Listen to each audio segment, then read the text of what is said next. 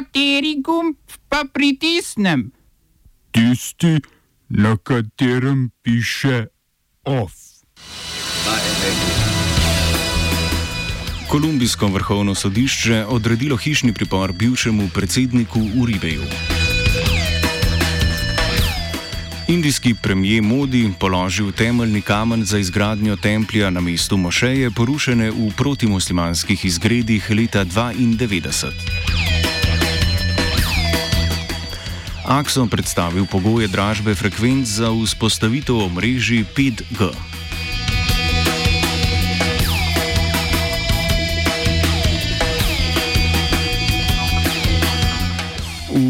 Bejrutu, glavnem mestu Libanona, je zaradi nepravilnega shranjevanja amonijevega nitrata prišlo do eksplozije, ki je do sedaj terjala več sto življenj.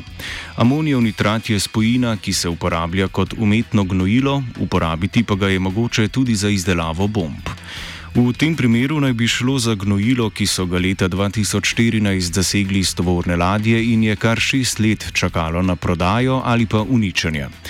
Predsednik Mihael Aoun je oznanil, da je možna razglasitev dvotedenskega izrednega stanja, hkrati pa je predsednik vlade Hasan Diab napovedal najvišjo možno kazen za tiste, ki so krivi za nesrečo.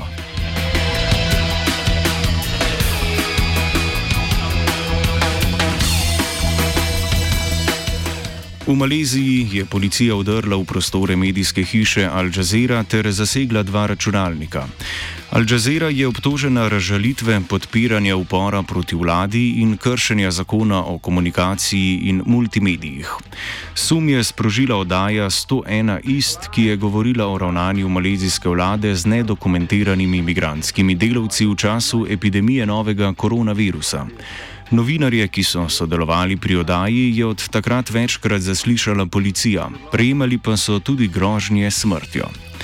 Delavec iz Bangladeša Mohamed Rahan Kabir, ki se je pojavil v prispevku, je bil areteran in bo izgnan iz Malezije. Oblasti trdijo, da je bil prispevek zavajujoč, lažniv in da je nepravično prikazal vlado v slabi luči. Trdijo tudi, da Al Jazeera zanj ni pridobila potrebnega dovoljenja, na kar v katarski medijski hiši odgovarjajo, da oddaja ne spada v kategorijo filmov ali oddaj, ki potrebujejo dovoljenje.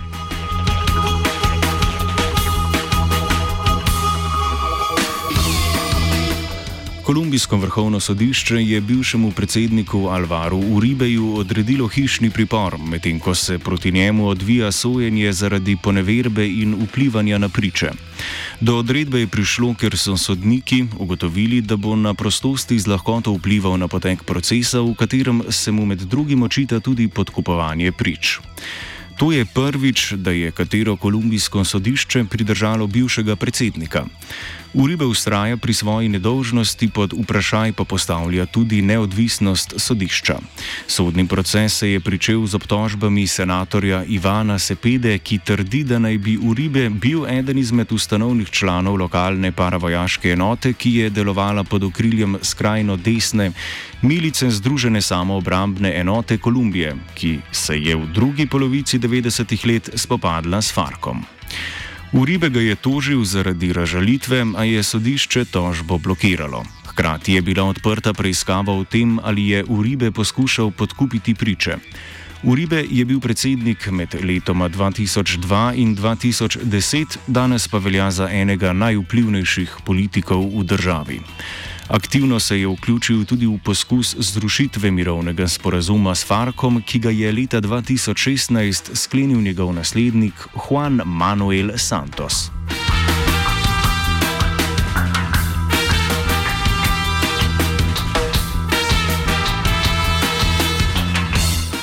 Indijski predsednik vlade Narendra Modi je položil temeljni kamen za začetek gradnje templja hindujskega božanstva Ram. Ta bo stal v tempelskem mestu Ajudja, na prostoru, kjer je nekdaj stala mošeja iz obdobja, ko je večji del današnje Indije obvladoval mongolski imperij.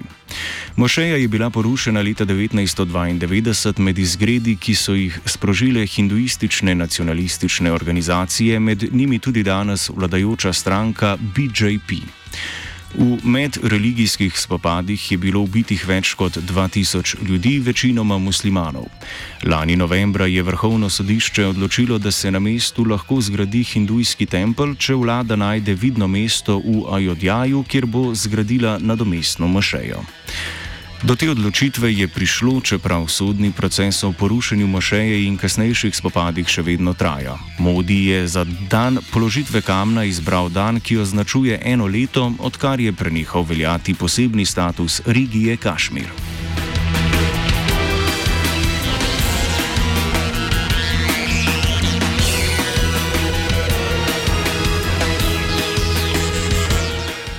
Egipt je odstopil od najnovejših pogajanj z Etiopijo in Sudanom o gradnji renesančnega jezu na Nilu, ki so ga gradili Etiopiji. To naj bi storil zaradi potrebe po strokovnem posvetu pred nadaljevanjem pogajanj. Egipt skrbi, da bi lahko zaradi jezu prišlo do pomankanja vode v spodnjem toku Nila, medtem pa se Sudan ukvarja bolj z varnostjo samega projekta. Etiopijski predsednik Abi Ahmed je sicer predstavil predlog sporazuma, a Egipt in Sudan trdita, da predlog nima dovoljšnih varnostnih regulacij. Prav tako pa Etiopiji ni naložil pravne odgovornosti. Manjka tudi mehanizem za reševanje sporov. Državi imata po dogovorih iz prejšnjega stoletja nad reko Nil zgodovinsko pravico, a je Etiopija podpisnica drugih dogovorov, ki teh ne upoštevajo.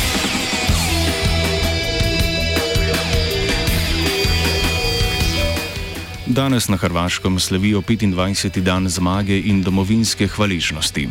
Osrednja slovesnost je kot vedno potekala na trdnjavi v Kninu. Na proslavi so zaradi epidemioloških razlogov smeli prisostovati le tisti, ki so bili udeleženi v programu in povabljeni gostje.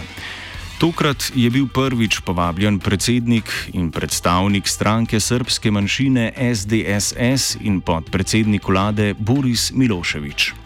Na proslavo so poskušali vstopiti tudi nekdani pripadniki paravojaške skupine Hrvaške obrambne sile, krajše HOS, opremljeni z napisi Za dom spremni, a jim je bil dostop preprečen. Oba, če, če bom odgovoril na angliški. Uh, uh, Slovenija bo poskušala pomagati. Slovenija bo naredila naš utmost, da bo rekla, da je situacija naš problem, naš sebe. In mi bomo naredili nadaljnje korake, as soon as the conditions are. Bomo vlado Marjana Cererera Šarca podprli. Zelo, zelo resno. Slovenija. We know how and we will. Agencija za komunikacijska omrežja in storitve Republike Slovenije je objavila pogoje za dražbo frekvenc za vzpostavitev omrežij 5G. S tem naj bi omogočali učinkovitost in konkurenčnost na trgu telekomunikacijskih storitev.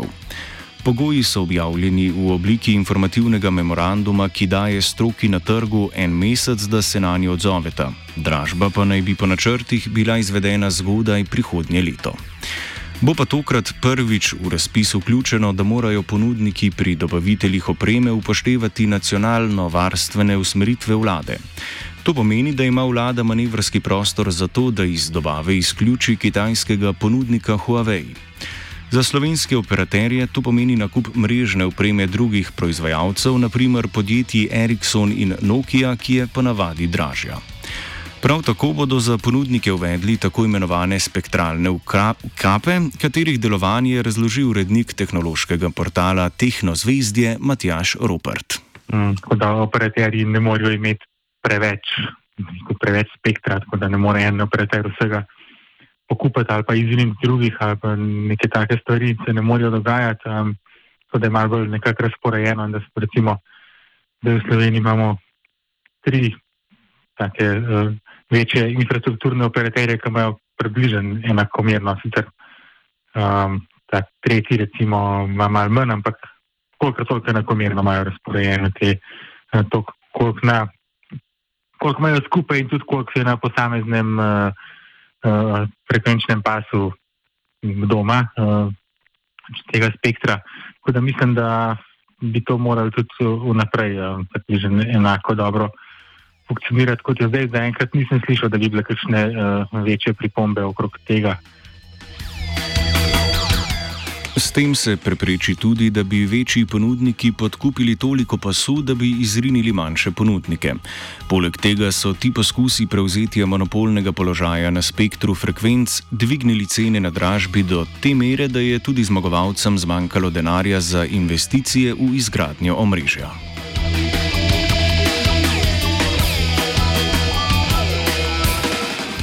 Je pripravila Lucija.